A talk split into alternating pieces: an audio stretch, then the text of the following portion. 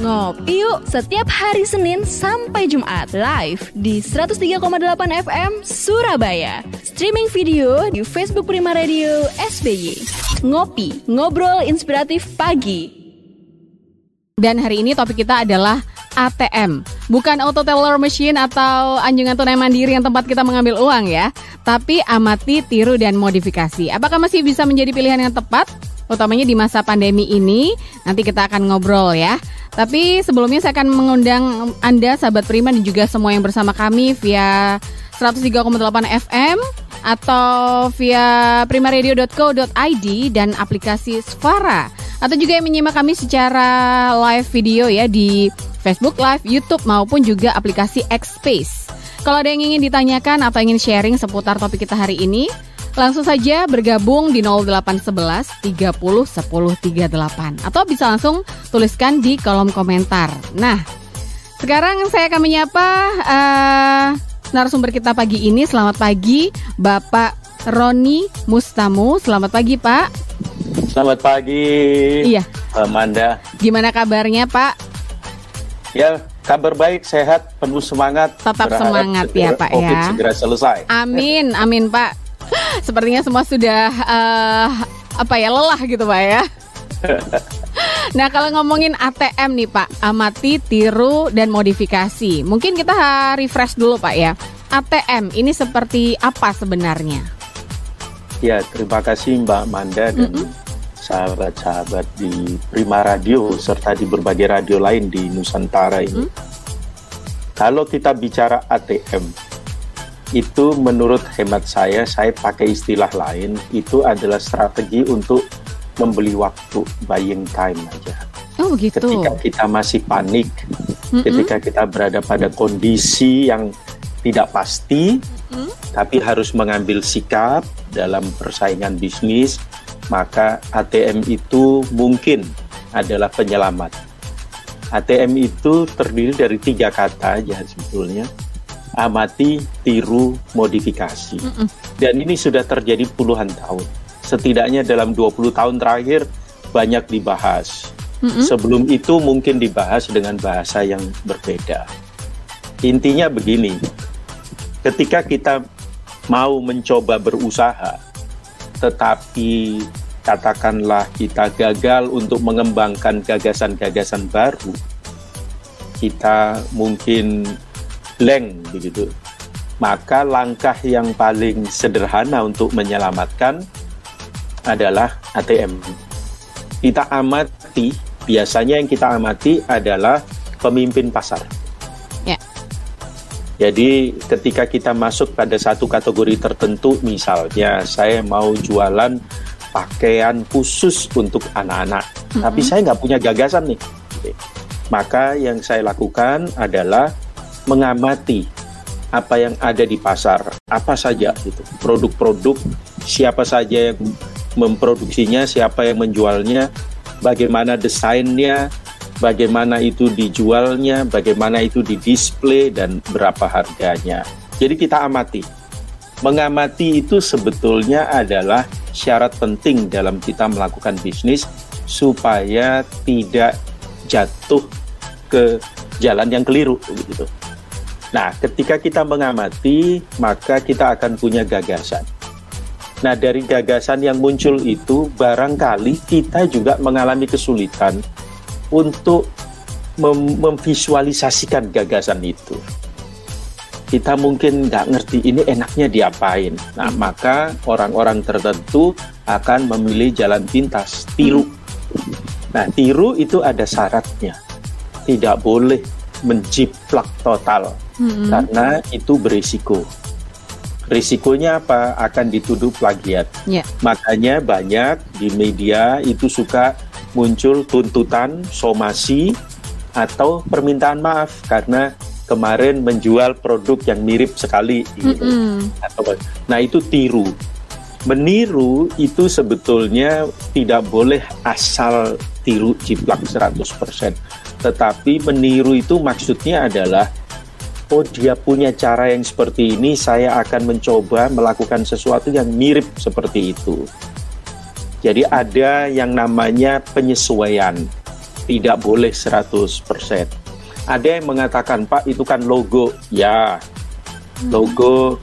Tapi kan kalau misalnya logo Prima Radio kemudian diganti orang dengan tulisan Prime mm -mm. hanya diganti E gitu kan terus ditulis mirip-mirip itu kan orang juga bisa keliru nah, mm. dan jangan lupa ada yang namanya undang-undang terkait dengan hak kekayaan intelektual, yang menyangkut brand, mm. menyangkut uh, desain logo, ya? tak semua mm. itu ada. Nah itu kita harus hati-hati. Ada yang mengatakan itu kan logo. Kalau produk sama produk, cangkir pak. Pegangannya satu saya bikin dua. Kan beda. Ya ini kan sebetulnya asal-asalan. Hmm. tetapi pasar akan melihatnya sebagai anda ini sama. Hmm. nah di dalam strategi ketika kita meniru itu ada risiko adalah orang akan salah persepsi sehingga kita ini dikira produk lain. Dulu pernah terjadi sebuah brand namanya mirip banget. Hmm. Akhirnya ketika yang satu beriklan di televisi, yang dapat hasil justru satunya lagi. Satunya ikut keangkat ya Pak ya? Justru yang keangkat itu yang yang nggak nggak beriklan. Yang original pertamanya. Kenapa? Karena orang Indonesia itu hmm. kan dipengaruhi oleh budaya Jawa. 70% dari orang Indonesia itu tinggal di Pulau Jawa. Hmm Nah, sehingga gaya berpikirnya banyak dipengaruhi Jawa. Gaya berpikir orang Jawa itu sederhana. Gitu. Memanggil nama misalnya itu dua penggal nama. Mm -mm. Hana itu nggak dipanggil Han, dipanggil Nah. Manda nggak dipanggil Man, dipanggil Da. Mm -mm. Kenapa? Karena kita ini tekanan katanya ada di belakang. Nah, ketika kita bikin brand, mm -mm. terus brandnya mirip, orang hanya ingat misalnya terdiri dari dua kata, orang hanya ingat kata yang terakhir, hmm. bukan kata pertama.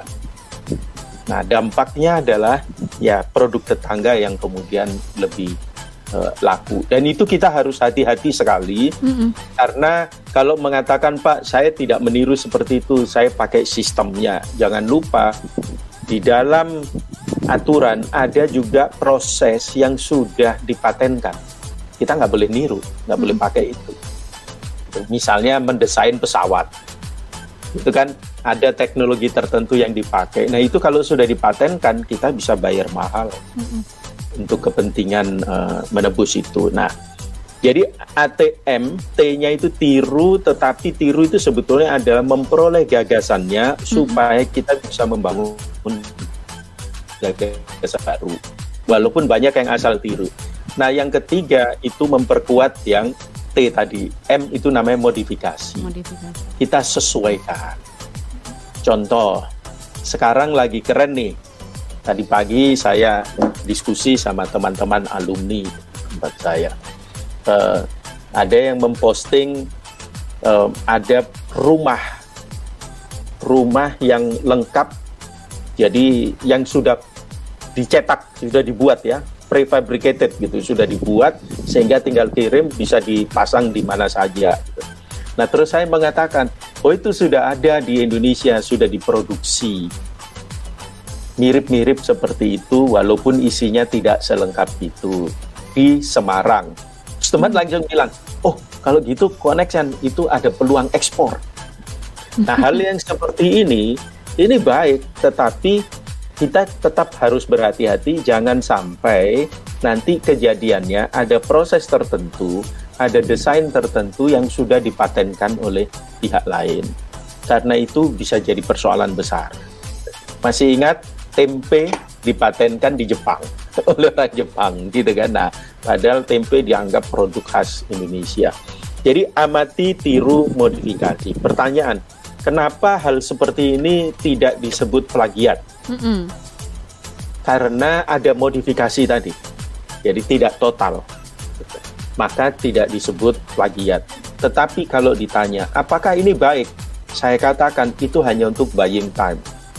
Ketika katakanlah di masa pandemi awal, terus tiba-tiba nggak ada orang, semua harus bekerja sepertiga hmm. kekuatan, yang dua per tiga harus di rumah gantian terus perusahaan nggak tahu mau ngapain, itu dalam tanda kutip orang bisa memaafkan kalau kita melakukan ATM.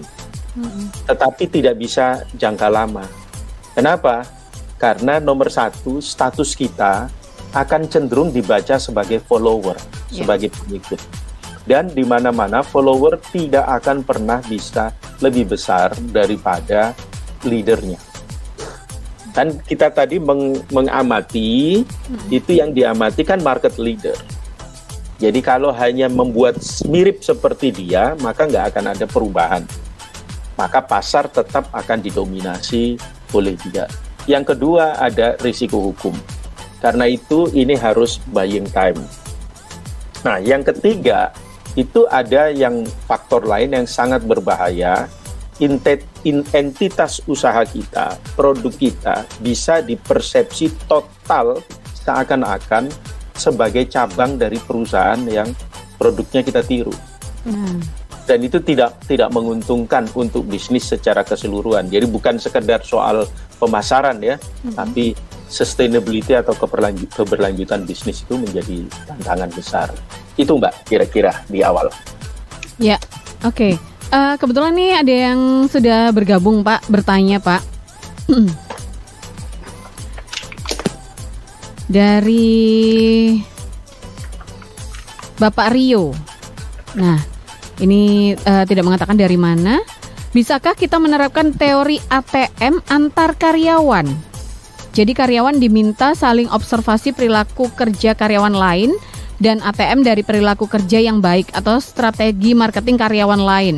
Apa dampak positif dan negatifnya dari hal ini? Oh ya, jadi misalnya dalam satu perusahaan itu kan banyak karyawan, Pak. Ini diminta saling observasi perilaku kerjanya dan eh, diminta untuk mengamati, tiru dan modifikasi dari perilaku kerja yang dianggap baik.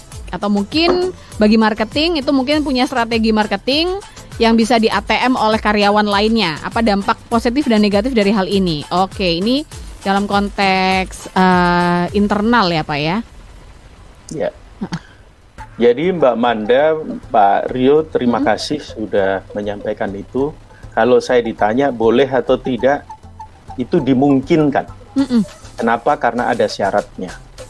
Syarat nomor satu adalah beri insentif, beri hadiah kepada orang yang dianggap tadi baik, Yang ditiru tadi ya istilahnya yang ya. ditiru. Mm-mm. Jadi beri penghargaan dia, Mm-mm. beri hadiah. Biasanya kalau orang marketing ya senangnya dapat duit lah, Ya. kan gitu ya. Beri dia hadiah, kemudian biarkan dia sharing dan sampaikan kepada dia bahwa ini nanti jadi praktek standar. Nah, yang lain boleh meniru dan memperbaiki dari sana. Oke. Hadiah atau insentif itu menjadi sangat penting karena ini kan menyangkut orang berusaha Betul. menyampaikan sesuatu. Ini temuan. Ya, Dalam bahasa betul. lain kan kita bilang ini temuan. Inovasinya Nah, dia kalau- gitu ya. Kalau temuan ini kemudian dia tidak mendapat manfaat apa-apa terus difotokopi oleh orang lain Mm-mm. dan itu difasilitasi oleh perusahaan, potensinya adalah ke depan tidak akan ada lagi orang yang punya gagasan out of the box, gagasan baru karena dia merasa percuma aku kerja keras, orang lain tinggal meniru. Ya, ya. Dan yang berbahaya bisa saja orang yang meniru itu jaringannya lebih luas sehingga nanti Lebih sukses akhir, gitu ya. akhir salesnya dia bisa lebih besar. Nah orang ini kan tidak dapat manfaat, Mm-mm, itu rugi. Sama seperti kalau kita mau bisnis, kan boleh sebetulnya ATM itu. Mm-mm. Bahkan nggak pakai M itu boleh, amati dan tiru itu boleh. Itu namanya waralaba franchise, kan gitu kan? Tapi membeli Kopi, tapi membeli kan bayar gitu royalty. ya, Mm-mm, royaltinya. Mm-mm. kan gitu. Kita bayar hak franchise, mm-mm. kita kemudian bayar royalti dari setiap hasil penjualan. Nah, ketika kita punya karyawan, dia berpikir keras untuk perusahaan Mm-mm. dan tentu supaya dia juga dapat manfaat besar kalau di marketing kan ada namanya bonus prestasi dan sebagainya. Nah, ini dia berpikir keras, jangan sampai dia nggak dapat manfaat. Jadi beri dia hadiah, beri dia eh, pengetahuan bahwa ini akan kami jadikan praktek standar, maka ini justru akan memberikan peluang pada yang lain untuk berlomba-lomba Pengen jadi inovator Ingin jadi yang juga lebih ya. baik. Mm-mm. Nanti orang yang pertama ditiru bisa saja kemudian meniru modifikasi yang dilakukan orang lain dia modifikasi lagi. Mm -mm, Jadi itu adalah salah satu cara memang untuk tumbuh. Itu yeah. boleh dilakukan dengan syarat tadi. Jangan sampai tidak ada insentif. Yeah. Karena itu hanya akan mematikan munculnya gagasan-gagasan baru. Oke. Okay. Baik Pak Rio, semoga menjawab ya. Jadi itu sangat mungkin dilakukan, tapi jangan lupa rewardnya untuk yang menemukan eh, cara-cara uh, yang ditiru oleh tim lain gitu. Terima kasih Pak Rio, Anda mendapatkan uh, goodie bag dari Cheers Alkaline Power 230 ml. Ini air mineral dengan pH alkaline hingga 8,5 yang membantu menyeimbangkan pH tubuh, sahabat prima, sehingga daya tahan lebih terjaga dan melindungi Anda dari virus. Bentuk kemasannya kecil, seksi, gampang dibawa ke mana pun dan kapan pun. Bagi Anda yang di area Surabaya, untuk berlangganan bisa hubungi 0877 77243377 atau 0807 1243377. Sahabat Prima, di rumah aja biar kami yang antar. Cheers Alkaline Power 230 ml, seksi, healthy, easy. Kita ngobrolin uh, tentang ATM, amati, tiru dan modifikasi. Apakah uh, strategi tersebut masih relevan di masa pandemi seperti ini? Ternyata bukan hanya relevan ya, tapi bisa menjadi salah satu kalau bisa dibilang jalan pintas begitu untuk uh, Anda yang mau memulai bisnis. Uh, Pak Roni ini tadi sudah ada yang bergabung lagi Pak dari Lisa di yeah. Sidoarjo. Ini menanyakan gimana dengan reseller? Apakah boleh membranding dengan brand sendiri?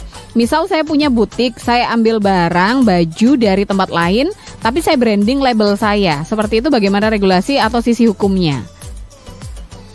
Ini lagi iya. ke di masa pandemi ini banyak sekali reseller ya, Pak ya. Karena yeah. kan praktis gitu kan, tanpa perlu modal, tanpa perlu um, apa namanya uh, nyetok barang gitu. Banyak kan reseller ini hanya uh, sebagai apa ya? Uh, mereka bantu promo, nanti mereka dapat uh, keuntungan dari situ. Ya, terima kasih uh, Mbak Manda, Mbak Lisa dari ya. Sidoarjo. Hmm secara prinsip itu bergantung pada kesepakatan hmm. yang dimiliki antara reseller dan produsen. Produsennya, hmm, bajunya ya. tadi ya. Karena bisa saja mereka mengatakan yang penting produk saya laku, Anda beli dari saya, terus Anda apa-apain terserah, gitu ya. hmm. ya. Nah, tetapi hati-hati karena ada banyak juga yang melindungi desain yang mereka miliki. Hmm. Nah, kalau melindungi desain yang mereka miliki, maka kita harus hati-hati kalau melakukan semata-mata membeli produk terus dicopot labelnya diganti dengan label kita. Mm -mm. Karena itu masuk kategori pemalsuan desain. Mm. Itu kan pemalsuan produk, pemalsuan merek ya, ya produknya benar tetapi mereknya. Mm -mm. Dan orang kemudian bisa membacanya sebagai ah ini kan terkait dengan desain, kan gitu. Mm -mm. Nah ini harus hati-hati, jangan sampai kita terjebak pada kondisi seperti itu. Oleh karenanya upayakan supaya ada kesepakatan, ada izin, gitu, bahwa boleh. Kalau nggak ada tertulisnya ya waktu telepon direkam lah. Ini saya rekam ya gitu. Boleh nggak saya permisi? Oh boleh gitu. jadi enak gitu. Anda akan clear jangan sampai suatu saat ada gangguan. Sama kan seperti contoh begini. Saya pakai baju batik nih. Kebayang perasaan kita orang Indonesia kalau batik ini dibeli oleh orang di negara lain kemudian diganti labelnya terus dipasangi Vietnam. Gitu kita mesti keki gitu kan. Mm -mm. Dan itu reaksi orang Indonesia kan banyak seperti itu. Produk kita kok diakui negara lain mm. sama hal yang seperti ini bisa terjadi. Jadi hati-hati aja.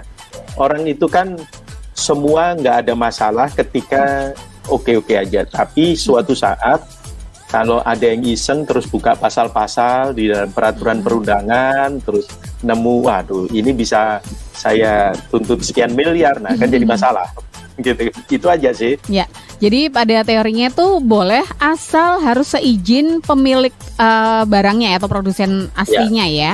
dan juga ya. kesepakatan ter tersebut ada baiknya anda simpan dalam bentuk uh, apa pun audio atau tertulis gitu ya pak ya apabila ya. suatu saat terjadi masalah itu bisa dijadikan barang bukti begitu ya istilahnya. Ya, bahwa dulu saya sudah disetujui. Sudah sepakat gitu ya. Ya, sudah sepakat. Oke. Baik, semoga menjawab. Terima kasih Bu Lisa. Nah, kalau ngomongin ATM nih, Pak. Ini tadi kita memandang dari segi pelaku ATM-nya ya, Pak ya. Nah, Ya. kalau kita mungkin sudah punya bisnis yang eh, stabil, sustain gitu ya. Kan kita sebenarnya juga nggak pengen, Pak, di ATM sama orang lain gitu ya. Ini mungkin gimana, Pak, dari segi em, pemilik eh, ide atau yang sudah eh, memiliki bisnis yang settle ini, Pak? Agar Ya, tidak agar, agar Hakim. tidak gampang di ATM Ya. dia. Mm-mm. Kalau di Indonesia gampang datang ke Dirjen Hakim, Mm-mm. di, di- Ditjen, Direktorat Jenderal Hak Atas Kekayaan Intelektual Mm-mm. eh, di antara Jakarta Tangerang lah tempatnya itu. Hmm. Saya saya pernah ke sana gitu ya. Kalau malas ke sana ya banyak sebetulnya eh, perusahaan-perusahaan jasa yang membantu pengurusan eh, haki ini. Jadi didaftarkan aja patennya. Itu kalau itu berupa desain di- Mm-mm. didaftarkan mereknya, kalau ada proses didaftarkan prosesnya begitu ya. Sehingga bisa dilihat oleh banyak orang. Tapi hati-hati Mm-mm. karena ada yang namanya dalam tanda kutip resep rahasia. Apa itu, Pak? Ya, saya beri satu contoh lah, Mm-mm. industri jamu. Kan industri jamu itu ada yang mengatakan bahwa oh, kita sudah dilindungi oleh hak paten dan sebagainya. Mm-mm. Coba periksa yang dilakukan apa? Yang yang dipatenkan mungkin adalah prosesnya. Hmm. Oke. Kenapa? Misalnya sederhana proses di laboratoriumnya itu yang kemudian karena kalau sampai dilakukan yang perumusannya membuat jamu itu, Mm-mm. itu kan ada dalam tanda kutip resep rahasia ya. Rahasianya nanti terbongkar. karena harus ditulis secara detil. Hmm. Nah, kalau ditulis secara detil, itu kan orang Indonesia ini kan punya keahlian memodifikasi. Gitu kan, tinggal diganti dikit-dikit, terus kemudian Mm-mm. bisa muncul hal yang mirip. Nah, karenanya Mm. biasanya mereka melindungi justru tidak dipatenkan, tetapi Oke. dirahasiakan sehingga nggak ada yang tahu. Mm-mm. Nah, ini tergantung pilihan ya. Tapi Mm-mm. kalau makanan, minuman termasuk jamu itu bisa saja. Obat yang lebih lebih karena produk farmasi ya itu lebih lebih terbuka jadi semua dipatenkan itu clear obatnya yang dipatenkan. Jadi kita nggak boleh meniru komposisi yang seperti itu. Mm-mm. Dan obat itu karena produk farmasi, Mm-mm. kalau komposisinya diubah kan hasilnya juga beda, Beda. gitu. Jadi Mm-mm. orang nggak bisa main-main dengan komposisi itu. Kira-kira itu sih mbak. Oh gitu. Jadi eh, untuk mempatenkan tadi tidak hanya misalnya yang apa ya, yang visual ya atau tapi berupa resep, cara-cara itu juga bisa dipatenkan, Pak ya. Bisa prosedur, bisa Hmm, eh, sistem, bisa. Hmm. Tapi semua kan memang ada yang namanya kita bisa terlindungi, tapi hati-hati saya katakan karena orang Indonesia itu punya jiwa seni yang tinggi. Kreatif ya, Pak ya. kreatif banget, punya kemampuan untuk Mm. Melakukan perubahan dikit-dikit gitu dan dia akan bilang bahwa oh ini tidak ada apalagi sistem hukum kita ini kan juga menarik Mm-mm. kasus yang sama di dua tempat yang berbeda disidang oleh majelis yang berbeda hasilnya bisa beda Mm-mm. gitu kan Iya, iya benar juga. Jadi eh, mempatenkan itu juga nggak sembarang, jangan gegabah gitu mungkin ya Pak ya. ya Kita harus memikirkan juga efeknya ya. ya ya, ya. Oke. Nah kalau ATM itu sejauh mana sih Pak kita agar tidak mudah dikatakan plagiat? Eh, tadi yang saya katakan bahwa ada yang namanya modifikasi tadi itu Jadi modifikasi itu harus keluar dari pakemnya dia. Jangan sampai kita meniru yang cukup besar. Kalau plagiasi ya, katakanlah contoh yang paling gampang itu. Kalau orang menulis, ya kalau di kampus lah bikin skripsi gitu. Mm-mm. Nah, kalau Anda lim- 10% jadi maksimal 10% ya. Kalau lebih dari 10% Anda itu kembar, itu udah kategori plagiasi. Walaupun ada lembaga tertentu yang memaafkan hingga 20%. Mm-mm. Jadi 10% itu kalau 100 halaman itu di total-total hanya 10 halaman loh. Mm-mm. Nah, 10 halaman itu kalau spasinya dua kan sebenarnya tidak panjang. Iya. Nah, jadi kita harus hati-hati memang jangan sampai kita terjebak. Mm-mm. Jadi harus kurang dari 10%.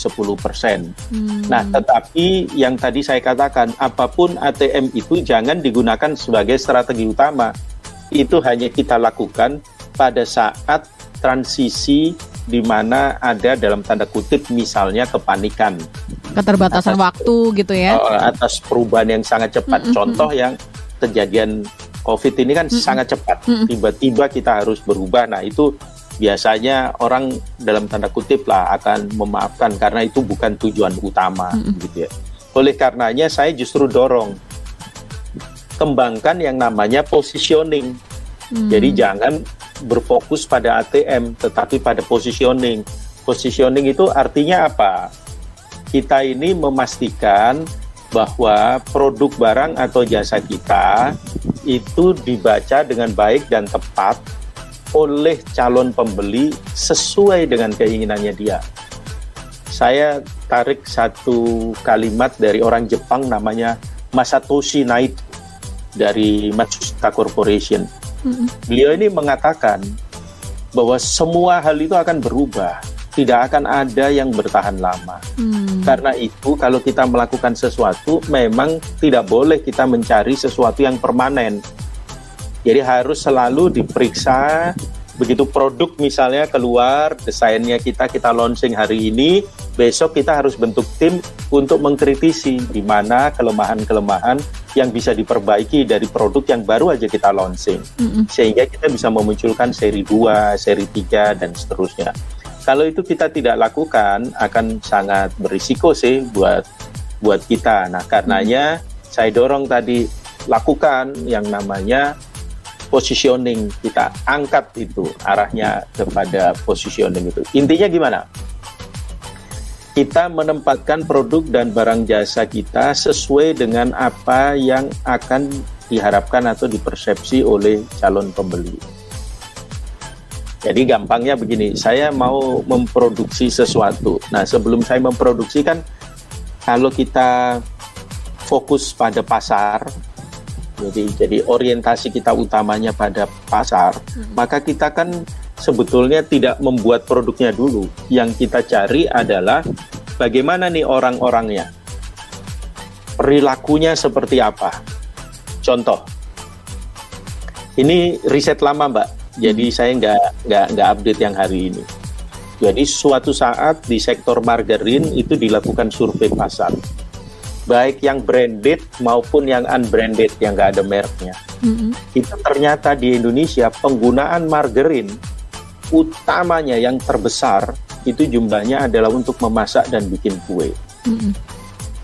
Mari kita lihat berapa margarin yang fokusnya pada masak dan bikin kue dibanding yang untuk oles roti.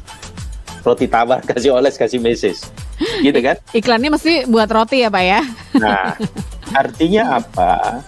Kalau saya masuk ke sana, saya kalau jualan e, begitu saja, maka mungkin akan jatuh pada oles roti. Mm-mm. Dan sulit buat saya untuk menghadapi pemain yang besar, yang market leader yang mungkin udah puluhan tahun. Mm-mm. Maka kalau saya melihat hasil survei ini, yang harus saya pikirkan adalah apa sih yang dibutuhkan oleh orang yang mau masak Mm-mm. dan bikin kue itu. Nah ini yang mesti kita cari perilakunya seperti apa, penggunaannya untuk apa, bagaimana cara memakainya dan sebagainya. Oleh karenanya kalau saya memproduksi dan saya arahkan margarin saya untuk orang yang masak dan bikin yang gede-gede, mungkin saya lebih fokus pada pakai sase aja. Jadi ibu-ibu yang yang misalnya sekarang kan banyak ibu-ibu yang jadi profesional ya, jadi bekerja gitu, nggak punya waktu. Gitu. Ya udah dia tinggal robek atau gunting satu sase, tek sekali masak satu sase, Langsung buang. Selesai. Bukan. gitu kan? Sehingga dapur bersih. Mm-mm. Nah hal hal yang seperti ini itu harus menjadi perhatian. Maka kita positioningnya ke sana gitu sehingga kita bisa tahu persis. Nah untuk positioning itu mbak, kita tinggal membandingkan kuad, bikin kuadran aja, sumbu naik ke atas ke, kanan gitu. Mm-mm. Jadi ke samping sama ke atas. Jadi kita bandingkan keunggulan kompetitif apa yang kita miliki dibandingkan dengan scope wilayah yang kita akan mau kerjakan. Siapa-siapa yang akan jadi pasar kita. Di situ akan memudahkan kita untuk bergerak. Contoh, kalau kemudian saya fokusnya adalah, eh, maaf, kalau saya keunggulannya adalah pada kemampuan menghasilkan proses produksi yang efektif, efisien, murah sekali. Dan saya kemudian skopnya itu hanya kepada orang tertentu saja. Maka saya mengembangkan yang namanya cost focus. Jadi saya fokus pada kelompok tertentu dengan biaya serendah mungkin. Misalnya, tadi saya menyebut pakaian bayi. Pakaian bayi itu kan sebetulnya sedikit dipakai. Karena kalau anak ini ukuran satu bulan gitu, bulan depan dia udah berkembang nih. Cepet banget. Badannya kan tumbuh besar, mm -hmm. itu udah nggak pakai lagi baju itu kan gitu. Betul. Nah, oleh karenanya mungkin saya akan fokus pada anak-anak ini dan saya tahu bahwa mereka ini kalau saya beri dengan harga yang murah akan suka asal bahannya bagus, jahitannya baik dan sebagainya, desainnya keren. Saya buat itu supaya saya memproduksi pakaian bayi semurah mungkin. Saya tahu nanti saya dapatnya dari Google. Ya nggak apa-apa, jalan aja.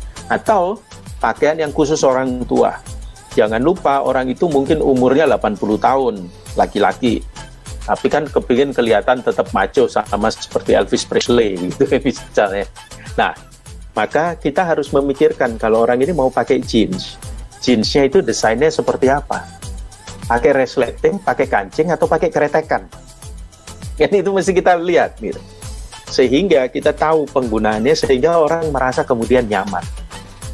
Nah, Nero atau yang target kecil ini ada dua, Mbak. Yang satu adalah yang tadi penekanan biaya, yang satu itu pada keunggulan, pada kualitas, pada apa yang dia suka.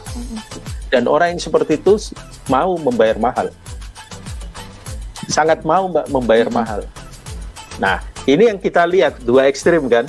Belum tentu saya jualan mobil mewah ini satu bulan laku satu, hmm. tapi sekali laku saya bisa rekreasi ke Afrika Selatan. Nah, sementara saya juga bisa saja jualan, saya untungnya tipis sehari laku 100 unit hmm. motor misalnya. Tapi saya harus kerja sangat keras, tapi saya pasti tiap hari ada pemasukan. hmm Nah, ini kan tinggal pilihan kita di mana. Karena ada perusahaan yang membutuhkan operasional sehari-hari itu harus kuat. hmm Yang satu dia punya financial backup yang baik, sehingga seminggu ini sebulan ini nggak laku juga nggak masalah. Hmm. tapi sekali laku dalam satu tahun saya bisa menjual satu buah pesawat terbang. Kan kira-kira begitu. Nah hmm. keuntungan dari itu kan menjadi sangat baik buat saya. Itu adalah yang pertama kalau kita fokusnya khusus pada kelompok tertentu. Tapi kita juga bisa membuat biaya rendah pada kelompok yang lebih besar. Bahkan contohnya adalah barang obralan barang obralan ini kan dia kualitasnya tidak harus tinggi, harganya murah, dibutuhkan setiap saat tersedia, dan semua orang generik bisa ambil. Nah, itu yang bisa juga kita lakukan. Nah, kelompok yang seperti ini, yang lower cost, ini selalu mendasarkan diri pada volume. Harus besar volumenya.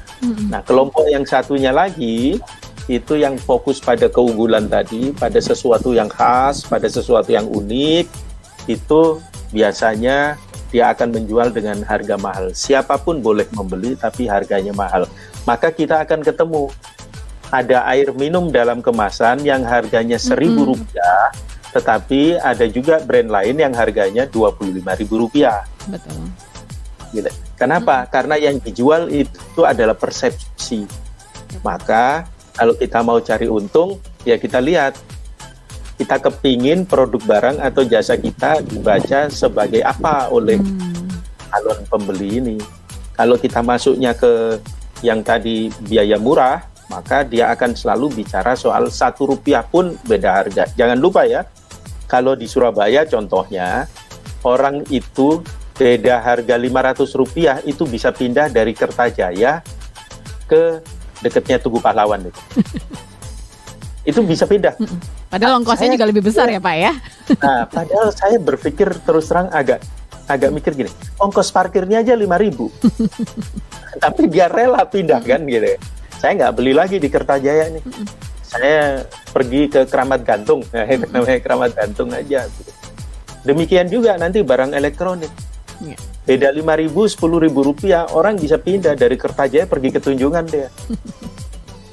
Jadi hati-hati, pasar memang begitu. Tetapi saya lupa tempatnya, Mbak. Tapi saya ingat aja lokasinya antara Jogja sama Magelang. Itu ada satu tempat. Itu tahun 2016-an kira-kira. Beli pecel di sana, satu porsi 120.000 ribu. Pecel. Apa istimewanya Pak? Nah, ya itu kan yang menarik. Istimewanya nomor satu nggak ada antrian. Nomor dua kita bisa duduk lama di sana. Mm-mm. Nomor tiga suasananya enak. Jadi orang memang bilang, wih ini mahal ya. Makan segini aja di Mm. tempat lain mungkin cuma 9 ribu, 10 ribu Mm-mm. gitu ya. Kok di sini sampai 120 ribu? Tapi membeli suasananya kan yang sulit. Gitu kan. Nah, Jadi keeksklusifannya tuh Pak ya. Betul. Orang tertentu kemudian senang pergi ke sana, Mm-mm. wah suasananya enak kan. ya. Mm-mm. Saya mau bayar mahal, no problem. Ya. Begitu kan. Mm-mm. Nah, ini yang kira-kira mesti jadi perhatian kita. Ini beda dengan kalau di Surabaya soal rasa. Ada rujak cingur yang harganya 15.000, Mm-mm. tapi ada rujak cingur yang harganya 60.000, Betul. gitu kan. Mm-mm. Nah, itu soal rasa. Nah, rasa ini juga menarik. Tiap orang bisa beda, Iya. gitu kan. Tapi positioning tadi saya katakan, bahkan positioning itu bisa sesederhana dihubungkan dengan sejarah. Gitu. Ini adalah yang, yang pertama. Saya adalah generasi keempat. Hmm, ya sejak terus ya. berapa gitu biasanya Pak ya? Ada soto kan yang di undaan, daerah undaan itu anda masuk jalan masuk di kampung gitu kan. gitu. Dan seterusnya ada juga yang di Ambengan dan Mm-mm. seterusnya. Ini yang menjadi perhatian kita ada yang namanya positioning. Tapi kalau kita sekedar tulis soto Lamongan atau soto Madura ya Mm-mm. generik, Ya. maka Anda hanya akan bermain dengan harga, Mm-mm. kuantitas gitu. Terima kasih, Mbak. Jadi eh, kalau kita mel- pun melakukan ATM, ini kita juga tetap harus menerapkan strategi positioningnya ya Pak ya. Kita mau jadi yang seperti apa, mau yang ada di mana gitu ya. Dan ATM ini memang kalau kembali ke pertanyaan kita di awal tadi, apakah masih menjadi pilihan yang tepat? Apalagi di masa pandemi ini masih ya Pak ya. Walaupun yang terbaik memang menjadi original sepertinya ya. Iya. Jadi bisa hanya untuk buying time, tidak boleh lama. Oke. Jadi Jadi harus segera bahasanya anak sekarang mungkin ya harus move on. move on. Ya, Oke. Karena saya ini lagi nggak tahu lah ya, tiba-tiba saya blank, Mm-mm. tapi saya harus hidup nih. Kalau nggak besok nggak makan nih, Mm-mm. maka saya jual apa yang bisa saya lakukan. Tapi tidak boleh lama. Ya. Mungkin minggu depan saya sudah punya yang original atau bulan depan saya punya original. Mm-mm. Karena kalau nggak nanti kita dianggap oh sama ya seperti yang itu. Mm-mm. Oh kayak itu ya dan tetap menjadi dianggap menjadi follower follower. yang Nggak akan pernah bisa gede, nggak akan pernah bisa Padahal- melampaui leadernya ya. Ya, padahal follower itu banyak. Mm-mm. Jadi nanti terjadi pertempuran sesama follower. Ya. Saya beri satu contoh, kanan lagi nih. Mm-mm. Seblak. Mm-mm. Seblak bukan makanan orang Surabaya, tapi suatu saat muncul sekian tahun lalu seblak. Karena laku di mana-mana eh, orang jualan seblak, Mm-mm. tetapi tidak berhasil memunculkan keistimewaan. Atau yang dulu saya kritik, Mbak, dalam talk show radio seperti ini juga, Mm-mm. eh, saya masih ingat saya sama Mas Didi waktu itu. Mm-mm. Didi yang sekarang di Primak. Mm-mm. Itu hampir 20 tahun lalu itu ada yang namanya factory outlet. Oh iya benar. Ya. Itu Mbak, tiba-tiba di dalam jarak yang kira-kira panjangnya relatif 100 meter, Mm-mm. itu ada lima factory outlet, tiga di sisi kiri, dua di sisi kanan. Iya. Tetapi mereka hanya menghadirkan factory outlet dengan mengatakan bahwa oh, kami ini produknya murah. Hmm. Faktanya adalah mereka ini bukan factory outlet sebetulnya. hmm. tapi pro, uh, outlet produk afkir, hmm. produk yang gagal QC. Ya. Gitu. Barang reject mending istilahnya yang ya. Masih, nah, ya hmm. mending yang reject. Ada yang sekedar, maaf ya, hmm. bahasa Surabaya kulaan di Mangga Dua Jakarta terus dibawa dijual di sini. Maka Cuma, pertanyaan cuman saya gambar logonya aja pak ya. Nah, Sama. Apa bedanya yang dijual di situ dengan di pasar Atum? Mm -mm. Saya waktu itu katakan begini, mm -mm. kalau tidak ada bedanya dan tidak ada apa pun, sebentar lagi ini pasti akan tutup semua. Mm -mm. Dan benar mbak, mm -mm. lima outlet itu dalam waktu satu tahun bubar semua. Yeah. Betul. Kita tidak mungkin melakukan bisnis tanpa menghadirkan kekhasan, mm -mm. keunikan, kebaruan. Mm -mm. Karena ada yang lebih hebat Contoh yang tadi saya sebut di pasar atom. Mm-hmm. Entah bagaimana orang yang jualan di pasar atom itu mereka punya kemampuan untuk menjual dengan harga yang sangat murah. Sulit untuk ditandingi oleh outlet-outlet lain. Mm-hmm. Jadi Anda harus bisa membandingkan itu. Oh kalau di pasar atom harganya 1000, kalau saya mau jual 1500 ini apa ya yang akan saya posisikan? Akan saya munculkan persepsi apa yang harus saya bangun. Nah hmm. kalau ini gagal kita lakukan orang mungkin satu kali beli habis itu balik ke pasar atom lagi. Iya, jadi tetap harus berinovasi terus ya pak ya, harus ya. dikembangkan terus. Modifikasinya harus jalan terus untuk menjadi lebih baik ya, gitu ya. Ya, kalau okay. boleh mm -hmm. bukan hanya modifikasi, mm -hmm. tapi ada temuan baru, ada ya. desain baru, yang original, yang original. Oke. Okay. Baik, terima kasih banyak Pak Roni Musamu dari Quadran Consulting untuk sharingnya hari ini ya. Semoga bermanfaat nih untuk semua yang bersama kami pagi ini ya Pak ya. Dan semoga ya, kita di kesempatan lagi Pak untuk sharing-sharing lagi ya Pak ya. Terima kasih. Ya, sehat-sehat selalu. Terima kasih. Dan bagiannya juga sahabat Prima, terima kasih yang sudah bersama kami sejak jam 9 waktu Indonesia Barat tadi. Terima kasih juga untuk Cheers Alkaline Healthy Water. Terima kasih untuk Quadran Consulting dan juga teman-teman yang mendukung uh, saya pagi ini. Tetap di 103,8 Prima Radio Surabaya, sahabat Prima, karena setelah ini akan hadir Prima Lounge yang menghadirkan playlist enak dari era 80-an sampai 2000-an. Manerani pamit dari Ngopi. Wassalamualaikum warahmatullahi wabarakatuh.